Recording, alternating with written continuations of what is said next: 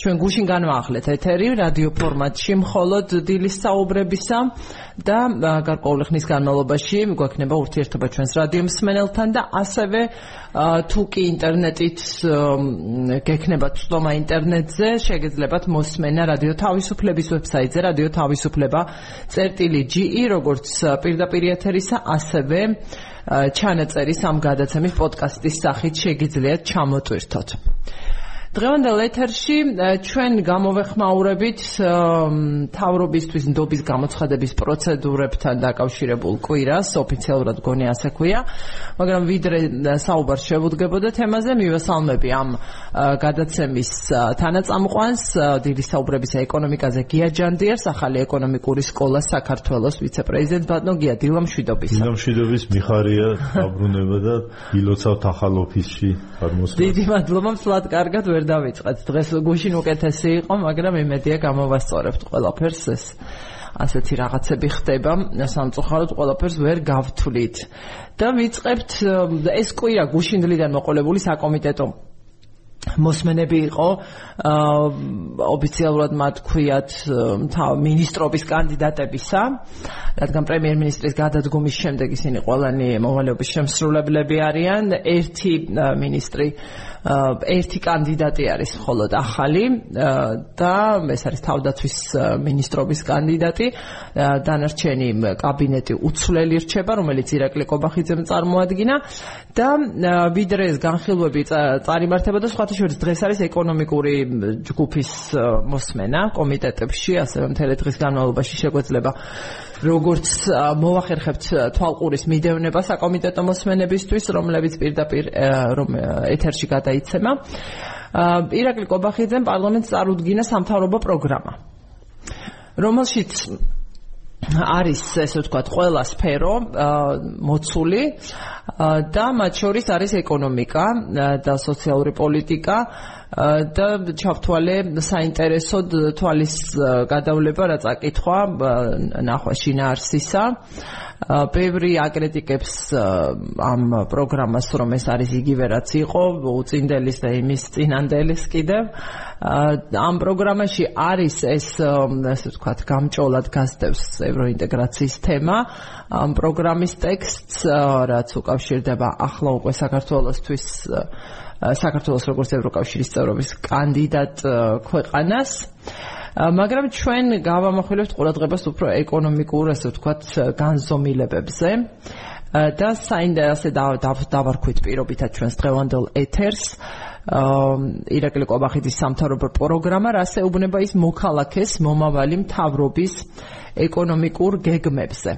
ასევე ვიდრე გავაგრძელებთ გადაცემას, მინდა მსმენელებს უთხრა, რომ შეგიძლიათ შემოხმიანება ეთერის დროს მოკლე ტექსტური შეტყობინებების საშუალებით ნომერზე 595500555 595 95 0055 აა ბატონოგია რასთაბესტილება დაგიტოვათ?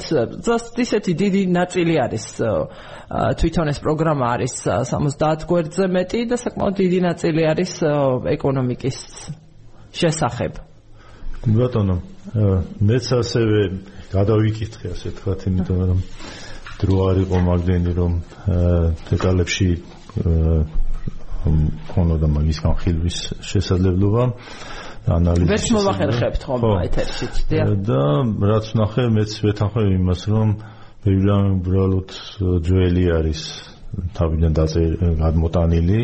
მათ შორის საკითხები არსებობს მე როგორც შემოჩნიე რომელიც არა მარტო წინა პრემიერ-მინისტრის დროინდელი, არამედ იმის წინა და იმის წინა, თქვა კვირიკაშვილის დროინდელი არის მაგალითად. და ასევე მაგალითად არის ძველი კონსტიტუციის მიხედვით მიწერილი იქ რომ ჩვენ და გავაკეთოთ ყველაფერი რომ საკუთრება იყოს ხელშეუვალი რომელიც კონსტიტუციაში გვეწერა სამწუხაროდ გადააკეთეს ეს მოხდი და ახლა ვქია რომ აღიარებული და უზრუნველყოფილია რაც ჩემი აზრით საერთოდ არ აღსანიშნავს ხო და ამის გარდა მე დამრჩა შტაბილება რომ ეს არის არა პროგრამა არამედ PR რაღაცა სახელმწიფო რა უნდა ისაუბრო იმის შესახებ, რა კარგად მიდის ყველაფერი ამ ქვეყანაში. ძველი რაღაცებიც ურევი ამაში და ახალიც ახლა უკვე ახალ დაემატა რომ ჩვენ ევროკავშირის წევრობის კანდიდატი ვართ ჩვენ ქვეყანა მეთის წყალობით და ახლა ჩვენ კიდე ხედავთ რომ ეს დაემატა ამ პროგრამას ძალიან ცირე რამდენიმე აბზაცით, მაგრამ ყოველ შემთხვევაში დაემატა. გამოსჭრილეს შეგადაში, რომ ეს აქტუალურია. ამ რაც შეეხება დანარჩენ ნაწილებს, მე ვფიქრობ, რომ აქ უბრალოდ არის დაპირებები, რომელიც რომელიც რას ნიშნავს საერთოდ ვერ ხვდები ბევრ რაღაცას, მაგრამ არის საკითხები, რომელიც რაღაც მიმდინარე საკითხები არის, რომ რომელსაც თავრობა ახორციელებს თავის ბიუჯეტიდან გამომდინარე.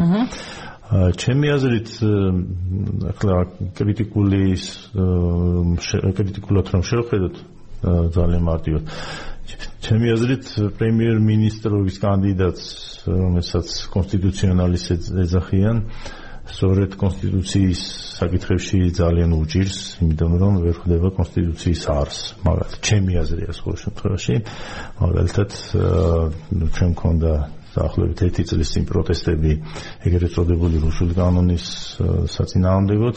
და მას არასდროს გამოუთქვამს პირადად თავისი მოსაზრება იმ შესახებ რომ მართლაც ეს კანონები კონსტიტუციის არს ეძინააღმდეგებოდა ასევე ძნელ წარმოვიდგენია.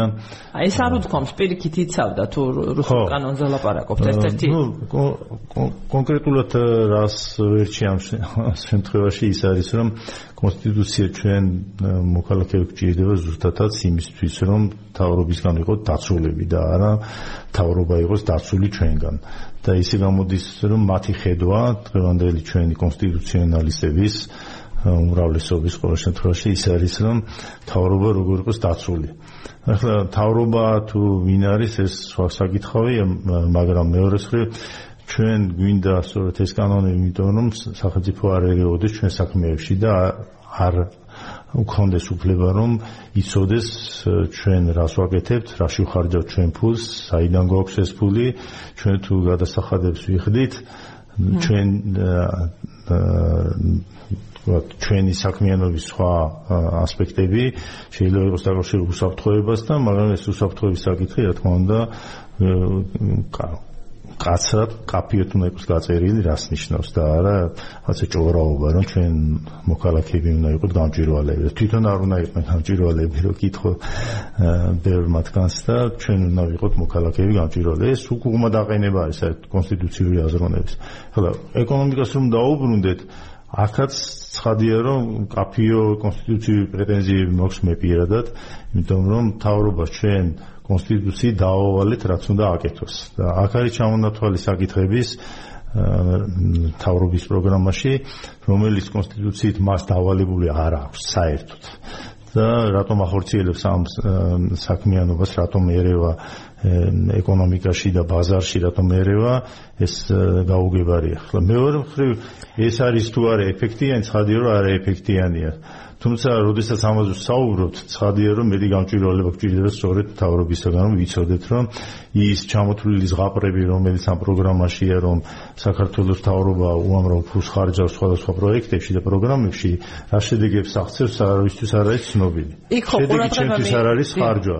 ჩემთვის შედეგი არის რომ ჩვენი ეკონომიკა ფეხზე დადგეს. ახლა რა შეეხება ეკონომიკა დგას თუ არა ფეხზე? ეს ბატონგია მე თუ შეიძლება იქ ნამდვილად იქცევს ყურადღებას სახელმწიფოს ეს ინიციატივები და პროგრამები და ასე ვთქვათ აქტიურობა და დიდი მონაწილეობა ამ თვალსაზრისით და კვლავაც რომ ასე გაგრძელდება და იქ არის მათ შორის ერთი მხრივ პრინციპულად მისაღებია თუ არა ეს ერთი საკითხია რასაც თქვენ აფასებთ ამგვარი მონაწილეობა და იქ არის ვთქვათ კონკრეტულ კონკრეტულად დასახელებული რომ ამდენ საწარმოს დაეხმარება ამ პროგრამით იმდენ ბიზნესმენს იმ პროგრამით და ასე შემდეგ და შემდეგი კითხვა ჩნდება რომ შეთანხმებოდა რატომ 20 100 და არა მეწს ან ნაკლებს. ესეც მე მე ეს კითხვა არ მიშნე მე ის კითხვა მიშნე ხო არა ეს პირველ რიგში რაც მე თქვი რომ რა მაგათი საქმეა ეს ბიზნესში ჩარევა თუნდაც მაგალითად კრედიტების გაცემა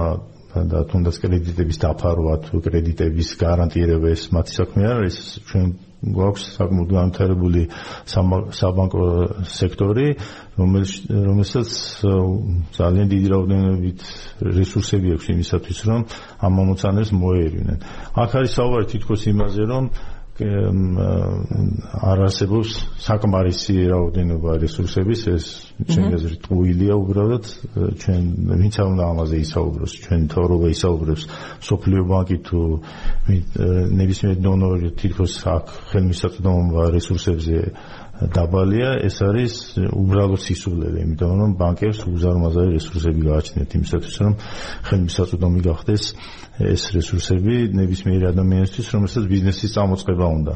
თუ საუბარია იმაზე თუ მაგალითად ხელსუშლის ის რომ კრედიტი ძვირია საქართველოში თუ შევადარეთ ევროპას ცხადია საქართველოში კრედიტი ძვირია მაგრამ კრედიტს რა აძვირებს ამაზე? უნდა ვისაუბროთ ჩვენ და არა იმაზე რომ ჩვენ ჯერ გადასახადებით გამოვართოთ ფული მოსახლეობას და მე ეს ფული ვასესხოთ იაფად ბიზნესებს. ნუ არალოგიკური რაღაცა არის ხო? გადასახადები უნდა ვიხადოთ იმისთვის რომ მე ეს ფული ვაჩუქოთ ბიზნესებს. არალოგიკურია ცხადი.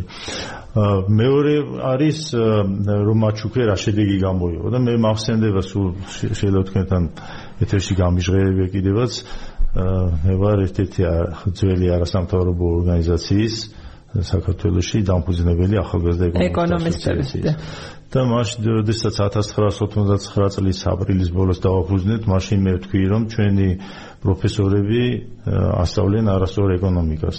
უნდა ასწავლო არა ის, როგორ უნდა გამოუშვა პროდუქცია, იმიტომ რომ საქართველოს მაშინდელი 900 საწარმო პროდუქციას უშვებდა საბჭოთა 900 საწარმო, ხო? არამედ როგორ უნდა გაყიდო და შენ როდესაც სუბსიდიებს აძლევ იმისთვის, რომ ბიზნესი წამოიწყონ, მე უნდა დააკვირდე იმას ეს რა შედეგებს აღწევს. თუ ეს შედეგები მხოლოდ ის არის, რომ ძვირი პროდუქცია მიიღე, საერთოდ ვერ მიიღე პროდუქცია, იმიტომ რომ მე ასეთი რაღაცების ბევრი მომისმენია, რომ ვერ მიიღეს საერთოდ ვერანაირი პროდუქცია და გადაყარეს მე რაც მიიღეს. ხო, თუ შენ ძვირი დაგიჯდა, მე შემდეგი ნაბიჯი რა უნდა იყოს, რომ სუბსიდია გამოყო იმისთვის, რომ ფასები დაწვიოს და რამენაირად გაიყიდოს, ხო? Ну ამას რა ლოგიკა აქვს ჩვენი ჯიბიდან ღარიბმა ადამიანებმა ვიხადოთ ფული იმისთვის რომ სახელმწიფომ ეს ფული მიცეს ვიღაცას რომ რამენაირად გადარჩეს და რამენაირად იმუშაოს რა აზრი აქვს ამას ჩემი აზრით გაცილებით უფრო მნიშვნელოვანი და სტრაფი შედეგები ექნება კიდევ და კიდევ ვიტყვი და ბერჯერ მიხვდეთ თქვენს ეთერში რომ გადასახადები შევამციროთ და ბიზნესებს მათ შორის მცირე ბიზნესებს რომელზეც ასე გული შესკივა თითქოს ამ პროგრამას მიეცეს მეტი შესაძლებლობა რომ იმოქმედოს. სხვა შორის აქ არის ასევე ნახსენები ამ პროგრამაში რამდენჯერმე ინკლუზიურობა, რომ ეკონომიკის განვითარების განვითარებაში რომ თქვათ მეტი ნაწილი იყოს ჩართული საზოგადოების და ეკონომიკური ზრდის ინკლუზიურობაზე ალაპარაკი და რა რა და აი გადასახადებთან დაკავშირებული ცვლილებები კი ნამდვილად ყველას ეხება და თუ რამეს ისკინა უკვე ის იქნება საყოველთაო ეფექტს მოგვცემს. საკუთრების უფლებას მინდა მიუბრუნდეთ თქვენ ბრძანეთ. ხომ არის აქ რაღაც ესეთი გარკვეული შეუსაბამობა ტერმინებში კონსტიტუციასთან? კონსტიტუციაში არის ცალკე მუხლი რომელსაც ასე ეწოდება საკუთრების უფლება სადაც წერია საკუთრებისა და მემკვიდრეობის უფლება აღიარებული და უზრუნველყოფილია და ამას მოსდევს რომ საჯარო ინტერესებისთვის დასაშვებია ეგრევე მეორე მუხლი დასაშვებია ბოდიში პუნქტი დასაშვებია ამ უფლების შეზღუდვა კანონით განსაზღვრულ შემთხვევებში და დადგენილი წესით. შემდეგ მოსდევს აუცილებელი საზოგადოებრივი საჭიროებისთვის საკუთრების ჩამორთმევა დასაშვებია კანონით პირდაპირ გათვალისწინებულ შემთხვევებში. სასამართლოს გადაწყვეტილებით ან ორგანული კანონით დადგენილი გადაუდებელი აუცილებლობისას წინასწარი სრული სამართლიანი ანაზღაურებით. ანაზღაურება თავისუფლდება ყოველგვარი გადასახადისა და მოსაკრებლებისგან. და კიდევ არის სასოფლო სამეურნეო დანიშნულების მიწაზე როგორც განსაკუთრებული მნიშვნელობის რესურსზე შეიძლება იყოს მხოლოდ სახელმწიფოს თვითმართველი ერთეულის საქართველოს მოქალაქის მიღებისგან საქართველოს მოქალაქეთა გაერთიანების საკუთრებაში. ეს გახსოვთ თემა და დისკუსია ყოველას გამონაკლისის შემთხვევაში შეიძლება დადგინდეს ორგანული კანონით რომელიც მიიღება პარლამენტის სრული შემადგენლობის არანაკლებ 2/3-ის უმრავლესობით. და ამ დოკუმენტში მართლაც ბრძანეთ ამ დოკუმენტში კი წერია დაცული იქნება საკუთრების უფლების ხელშეუვალობის პრინციპი კონსტიტუციით არ არის ხელშეუვალი და როგორ იქნება დაცვა მე როგორც მახსოვს 2011 წლის საკონსტიტუციო ეს პროგრამაში წერია უკვე უბრალოდ სვენელისთვის რომ ნათელი იყო. საკონსტიტუციო ცვლილება იყო 2011 წლის სადაც ჩემი და სხვა ადამიანების მოთხოვნის შესაბამისად ეს პუნქტი როგორც ახლა წერია, ასე ეწერა 1995 წლიდან, როცა მივიღეთ პირველად. ახლა როგორც პროგრამაში წერია და არა კონსტიტუციაში. კი, პროგრამაში, მაგრამ მე რომ ეს არის დაწერილი ეს ნაწილი როგორც ჩანს მანამდე სანამ ახალ კონსტიტუციას მიიღნენ 2007 ეს პროგრამა დაწერილია მანამდე? არა, ეს პუნქტი ყოველ შემთხვევაში დაწერილია. ნუ ბევრი ნაწ ბევრი ნაწილზე მოხს ეჭვი რომ იქიდან მოდის ეს ყველაფერი. ახალი არ არის, მაგრამ ყოველ შემთხვევაში ეს მაშინდელია და მათ შორის განსხვავება ძალიან დიდია, რაც აქ წერია და რაც ეწერა. ხელშეუვალი იმას ნიშნავს, რომ უბრალოდ ამას დისკუსიას არ შეიძლება და რაც შეეხება დღევანდელ მოდელს მე ადრეს ვაკრიტიკებდი ამას რომ აღიარება ნიშნავს იმას რომ აღიარებული არ იყო მანამდე საბჭოთა კავშირში აკრძალული იყო და მაშინ 1995 წელს ჯერ კიდევ აქტუალური საკითხი იყო ეს აღიარებული იქნებოდა თუ არა და ფაქტია რომ აღიარეს 1995 წელს და ასევე რაც ინგლისურად გარანტირებულს ნიშნავს ქართულ გარანტირებულად ითარგმნება ქართულად წერია რომ საკუთრება არის ასევე როგორც წერია მოვიწოდეთ სადა კონსტიტუციაში აღიარებული და უზრუნველყოფილი. უზრუნველყოფა საერთოდ იმდენად გაუგებარ ტერმინია ამას აქტ მოყვანილი ამ კონსტიტუციაში. და წინა ნუ 95 წელიდან მოდის როგორც ითხარით, რომ საერთოდ ვერ ვაკავშირებ და ამიტომ ძნელად ვიმახსოვრებ. ხო, მეორე დაგავიწყდა. უზრუნველყოფილია საერთოდ რას ნიშნავს წარმოუდგენელი ამბავია ამ თვალსაზრისით. და მიციქ ჩაწერა მან ალბათ კარგი გამარტება უნდა მიცეს, მაგრამ მეორე მხრივ მე ყოველთვის ეჭვის ქვეშ ვაყენებდი რომ თუ არ არჩაწერ ხეშეუხებელს ან ხეშეუვალს, როგორც იურისტებს მოსწონთ, მაშინ გამოდის, რომ ვიღაცების განსახილველი არის ეს, რომ თქვა უზრუნველყოფა რა დონეზე მოხდება, გარანტირება რა დონეზე მოხდება ინგლისური, ინგლისურად გარანტირებული მაინც წერია. ქართულად წერი უზრუნველყოფილია, რაც აბსოლუტურად გაუგებარი რაღაცა არის. მაგრამ გარანტირებულის რომ ეწეროს, რას ნიშნავს ეს გარანტირებული და უფლება არის გარანტირებული უფლება არის გარანტირებული ეს საერთოდ არ ნიშნავს ჩემი აზრით. იმიტომ რომ მოსამართლემ შეიძლება თქვას რომ მე გადავწყვიტე რომ აი ასე არის ამ დონეზეა გარანტირებული და არ გიგონოს რომ მე მე დონეზე არის. ანუ გამოდის რომ რომლიღაც მოსამართლის დონეზე უნდა გადაწყვიტო და შეიძლება ერთ ოთახში შეხვიდე ერთ მოსამართლესთან და სხვანაირად ეგონოს მეორე ოთახში შეხვიდე მე მოგეთ ხელშეუვალი ნამდვილად არ არის. ბატონგია რეკლამის დროა რადიო პალიტრის ეთერში და სულ რამდენიმე წუთით რადიო პალიტრის მსმენელს დავტოვებთ და დაგიბრუნდებით რეკლამის დასრულებისთანავე. ვაგრძელებთ უწყვეტად ჩვენ საუბარს რომელიც რომლის აუდიო ვერსია ასევე გადაიცემა რადიო თავისუფლების ვებსაიტზე რადიო თავისუფლება წერტილი GE მარჯვენა ზედაკუთხეში რადიო წერიათ წითლად და შეგიძლიათ იქ დააჭიროთ. და ხო ეს მნიშვნელოვანი საკითხი არის და იმიტომ მიიქცია ყურადღება ყოველთვის მაწუხებდა ეს საკითხი. თუმცა ნაკლებად ყოფილა არ მახსენდება იცით რა დისკუსია ისეთი აქტიური დისკუსია ამ თემაზე ან კამათი ჭუბი გნებავთ პოლიტიკოსების თუ არაპოლიტიკოსების და ან აღშფოთება მოქალაქეების და ასე შემდეგ რაც საკუთრების მე ვიტყვი რომ არსებობს საქართველოში ბევრი სხვადასხვა ჯგუფი რომელთანაც ერთად ვისაუბრე ამაზე და რომ არსებობს დარწმუნებული ვარ ხო მესაკუთრეები განსაკუთრებით დაინტერესებული უნდა იყვნენ ამითი რას ნიშნავს ეს? უამრავი მესაკუთრე გაგვიჩნდა ჩვენ საქართველოში ერთი წყალობით გვაქვს ეს სიმდიდრე მაგრამ ცხადია კიდე მეტი უნდა გქონდეს და მეტი ქონება უნდა იყოს კერძო საკუთრებაში ვიდრე დღეს არის მაგრამ თავარი თავარი ამ ამ სიტუაციაში ეს არ არის თავარი ის არის რომ აქვს საუბარი ხელშეუვალობაზე მაგრამ აქ ჩერდება ყველაფერი და ეს როგორ განხორციელებს საერთოდ წერია ხო?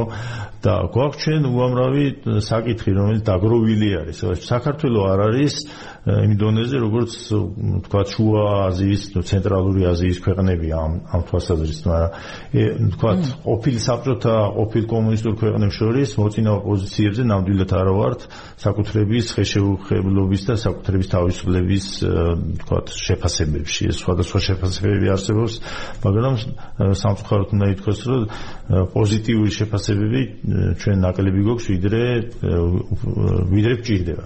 ეს ეხება პირველ რიგში იმას, რომ სასამართლო რამდენად სწორად იღებს გადაწყვეტილებებს რაც შეეხება საკუთრებით დავებს. საერთოდ არა მარტო ის დგას საკითხი, რომ სწორად იღებს თუ არა, საერთოდ მიიღება თუ არ მიიღება, იმიტომ რომ უამრავი საკითხია დაგროვილი. მათ შორის ჩვენ გვახსოვს, რომ 2012 წლის ხავერდოვანი რევოლუციას შეგვიძლია დავარქვათ, მოხდა ერთ-ერთი ერთ-ერთი საბაბი ესეც იყო, რომ უამრავი ადამიანი საუბრობდა, რომ მას საკუთრება ჩამოართეს არაკანონიერად და ძალადობრივი მეთოდებით და ასე შემდეგ. სამწუხაროდ ეს 20000 кейსიდან 14000-ზე ჩამოვიდა, მე 7000-ზე, მე 700-ზე არა, მე 1400-ზე უფრო სწორად, მე 700-ზე და მე როგორც ვიცი 30-მდე кейსიას უგანხილული ამ 20000-დან. და ის დანარჩენი 10000-ობით кейსი, რომელიც საკუთრების დავებს ეხებოდა, არავინ არ იცის საწავიდე და არაფრით არ დამთავრდა. ეს არ ვიცი რაც უნდა მივაწერო, მაგრამ ეხლა ჩვენ ვიცი თუ არ ვიცით და გამოგვიკლევია თუ არ გამოგვიკლევია თუ ასე შემდეგ შეიძლება ნაკლები მნიშვნელოვანი იყოს. საერთაშორისო გამოკლებებში წერია რომ ჩვენი საკუთრების უფლებები არ არის კარგად დაცული. ეს რა თქმა უნდა პატარა ქვეყნისთვის რომელიც ეძებს რომ მას მეტი პარტნიორი ყავდეს ეს არის საკმაოდ სერიოზული პრობლემა. და მათ შორის აი თქვა აქ პროგრამაში წერია რომ უფრო მაღალი ხარისხის ინვესტიციები უნდა შემოვიტანოთ. მე არ ვიცი ისინი რას გულისხმობენ, მე ვგულისხმობ რომ მაღალი ხარისხის არის ინვესტიცია, რომელიც მოდის დასავლეთიდან, რომელიც არის გამჭვირვალე, რომელიც არის გზელვადიანი და არ არის მაგალითად ნავთობის ქვეყნებიდან მომავალი, რომელიც სადაც ციდან ჩამოწენილი ფულია და ძალიან დიდი მნიშვნელობა. რომელსაც აქვს ხო ის განვითარების პერსპექტივა, რაც საკუთრე უკავ თუ ამაზე არის საუბარი, მაშინ პირველი საკითხი, რაც მოსაწესრიგებელია, ცხადია საკუთრებითი უფლებების საკითხებია მოსაწესრიგებელი, რომ ეს არ მარტო ვთქვათ მოწესრიგებელს გამჭირვალეც იყოს, რომ ყველა მიცოდეს, რომ ყველაფერი ძალიან წყნარ სიტუაციაში. ამის ძალიან დიდი ნაწილი გაკეთებულია, უნდა ითქვას და ძინა ხელისუფლების მიერ არის დაწყებული და ამ ხელისუფლებამ რა დაამატა მაგის წარმოადგენაც გამიჭირდა. ეს არის საკუთრების რეესტრი რომელიც მე საქართველოსთან მე ძალიან ბევრი მოქვეყანამ გადაიღო რომელიც უმეტი წყალობით კარგად მუშაობს და ჩვენ ყველანი მაღაზე ვართ დამოკიდებული.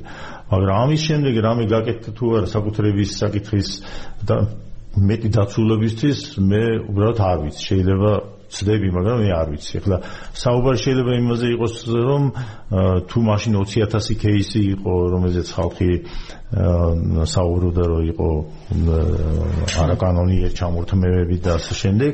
დღეს აღარ არის 20000 ასეთი მოთხოვნა და ასეთი საკითხები, ვეთანხმები ასეთი რაღაცა მე იშვიათად. ბანოგია, ჩემი ბრალი არის რომ წაგიყვანეთ ამ საკითხზე, ცოტა მეტი დრო. ხო, მე მაგრამ უბრალოდ ძალიან თვალშისაცემია და ყოველ ჯერზე ამაზე მეფიქრება ხოლმე. რა არის ეს როი თქოს საბოლოო იმით ჩვენ თავრობასაც მათ შორის ირაკლი ღარიბაშვილსაც უყვარდა ამაზე საუბარი, ჩვენ მაღალ რეიტინგული პირველი ქვეყანა ვართ ეკონომიკური და ბიზნეს თავისუფლებების მხრივ, კი, მაგრამ საკუთრების საკითხები ყველაზე დაბალ რეიტინგული კომპონენტი იყო ამ ყველა გამოკითხვაში ყოველთვის. და შეიძლება ჩვენ კიდე უარეს მდგომარეობაში აღმოჩნდეთ. კი, და ეს ამას ამას კიდე მიუბრუნდებით. ბანაგე რადიო ეთერში ვართ კლავ, ვინც ახლა შემოგვიერთა მსმენელი მინდა რომ მივესალმოთ, თუ კი ახლა შემოვერთით ჩვენს ეთერს რადიო თავისუფლების დილის საუბრებს უსმენთ სამშაბათობით. ეთერში გადის და დღეიდან განვაახლეთ ეს რუბრიკაც, დილის საუბრები ეკონომიკაზე, რომელსაც რადიო თავისუფლება წარმოგიდგენთ ახალ ეკონომიკურ სკოლას საქართველოსთან ერთად.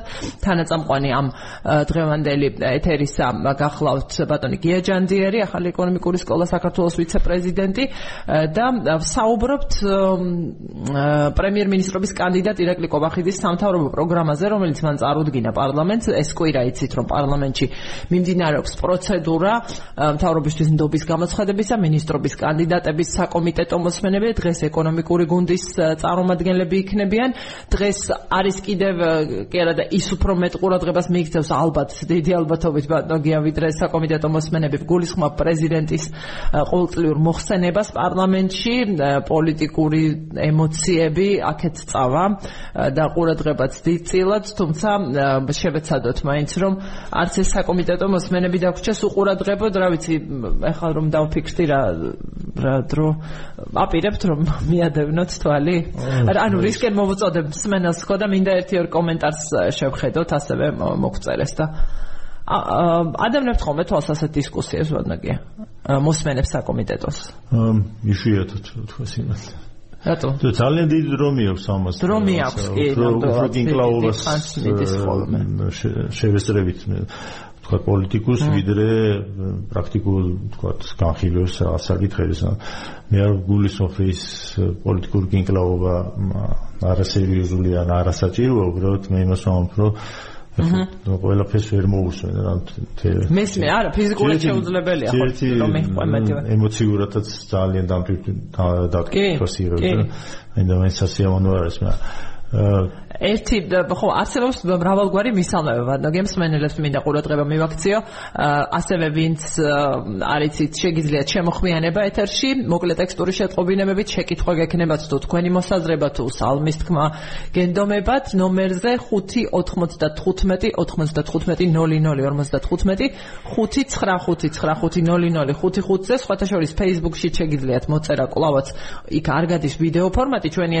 595 95 0055 595 ზე სხვათა შორის Facebook-ში შეგიძლიათ მოწერა კლავაც იქ არ გადის ვიდეო ფორმატი ჩვენი ეთერის მაგრამ ანონსის ქვეშ ყოველ ყოველდღე ანონსი იდება გადაცემისა და თემა. შეგიძლიათ მოიწეროთ კომენტარები.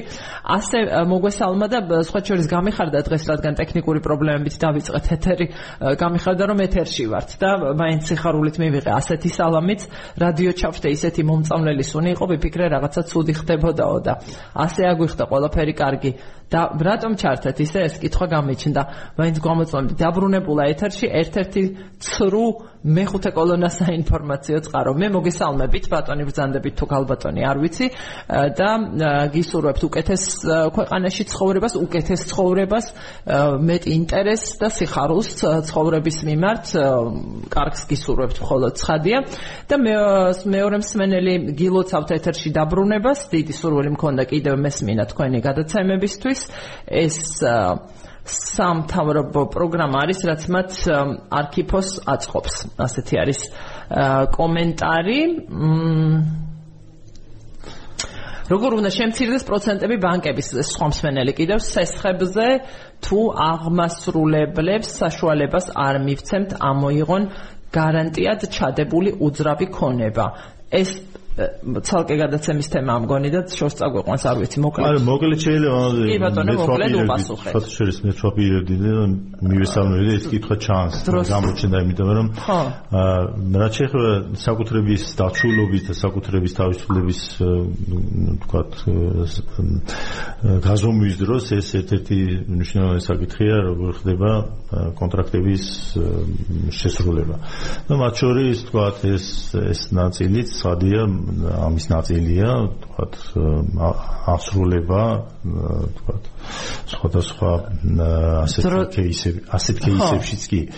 აქ რა თქმა უნდა ჩვენ გვჭირდება ძალიან სკრუპულოზი მიდგომა რომ ადამიანის უფლების დარღვევა არ ხდებოდეს, მაგრამ მეორე სწორი იმისი დაცვა რომ ადამიანმა თქვათ ვერ გადაიხადა კრედიტი, ეს არ ნიშნავს მარტო იმას რომ ეს იქნება თუ არა შენიშნული ვინმეს მიერ, იმიტომ რომ ეს ძალიან მნიშვნელოვანი არის. უცხოელები ამას შეხედავენ რომ თუ თქვათ ეს enforcement-ს ასაც ეძახიან არ მოხდება, მაშინ აქ თქვა რაღაც ღონისძიებები ბევრი ნიუანსია ბანოგი ამ თემაზე ხორცია და შეიძლება გართულდეს ხო?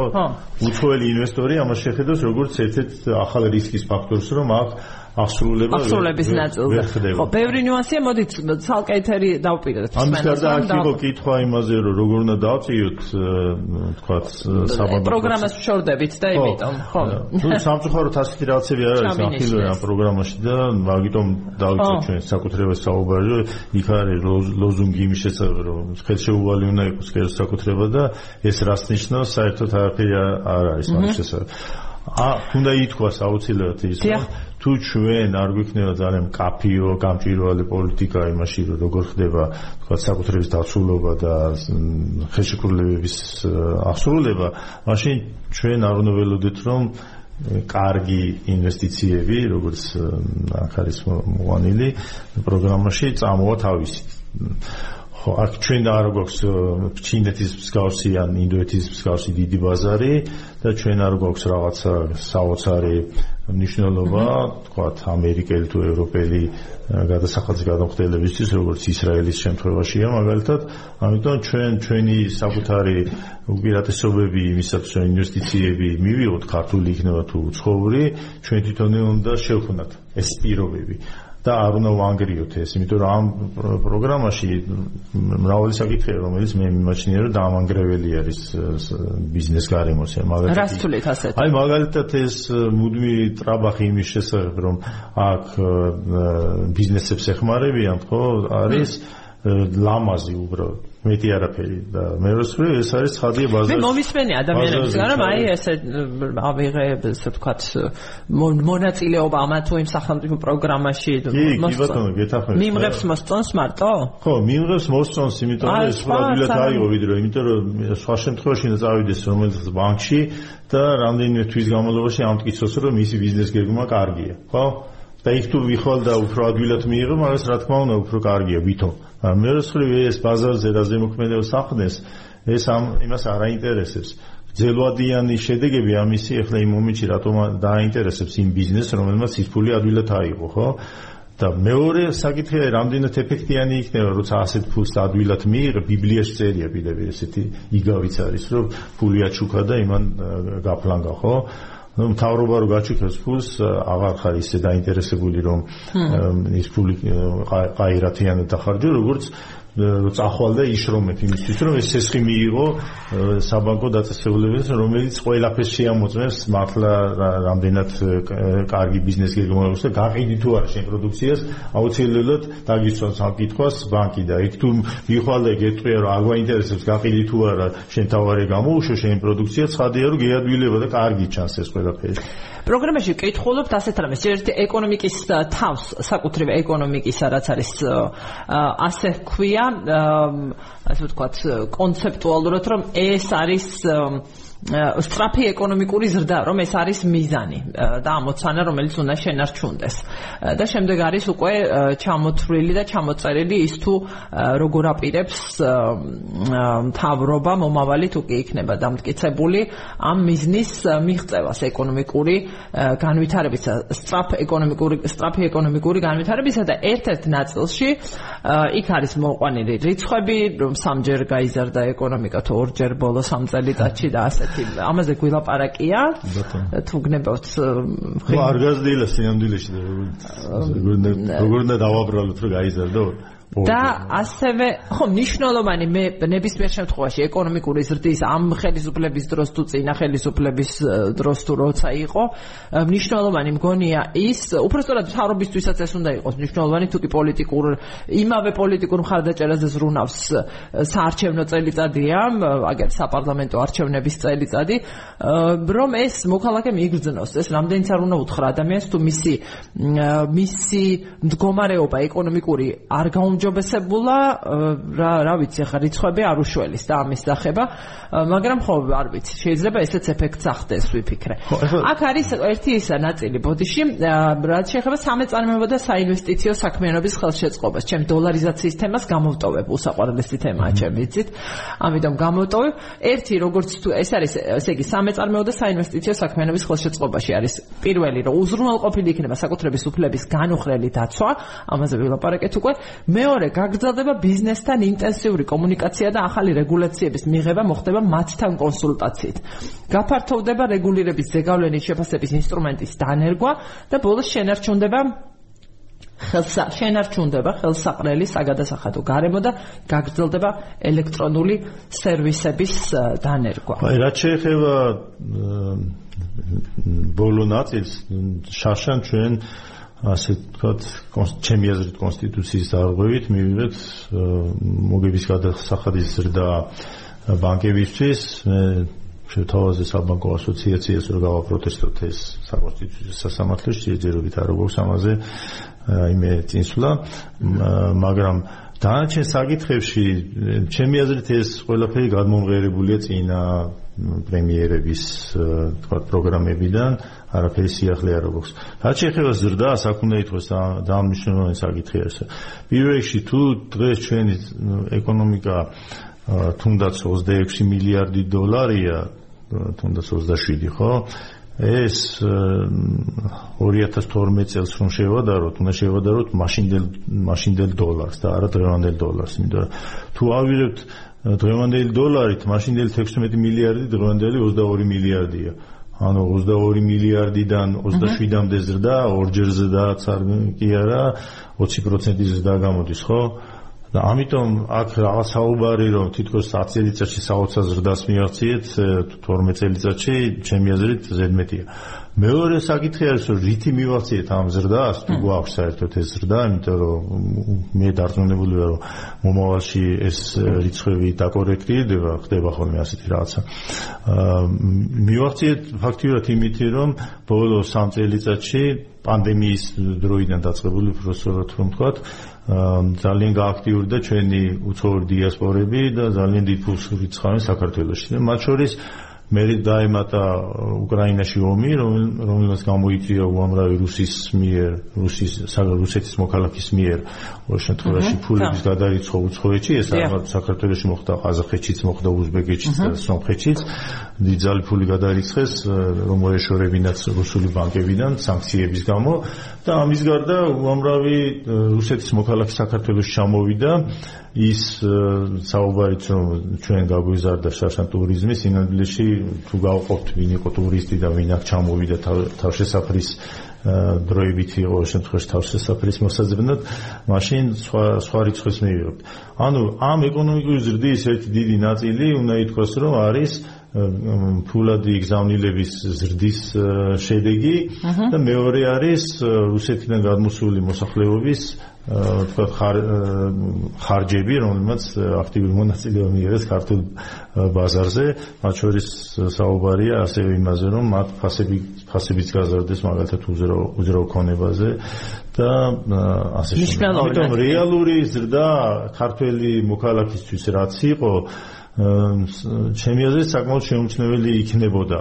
პირიქით მე მგონია რომ ადამიანები რომლებიც თქვა პერსპექტივას ხედავდნენ 2012 წელს რომ საქართველოს ეკონომიკა მართლაც იზრდებოდა და მართლაც რაღაცა პერსპექტიული სულა იყო ისინი ალბათ ბერჯერ დაეჭდებიან დღეს. მათ შორის სახელმწიფო მოხელეებიც ალბათ რომ მათ თქვა 10 წლის წინ 12 წლის წინ შეიძლება ცესხი ადვილად აიღოთ უცხოეთში ემოგზაურათ უცხოეთიდან უამრავი რაღაცა შეეძინათ და ჩამოიტანათ საქართველოში. ეს ყველაფერი ნელ-ნელა შემცირდა ამის შესაძლებლობები, ამიტომ და ამის პარალელურად უნდა ითქვას, რომ გაიზარდა იმ ადამიანების რაოდენობა, რომელიც სახელმწიფოზე დამოკიდებული გახდნენ.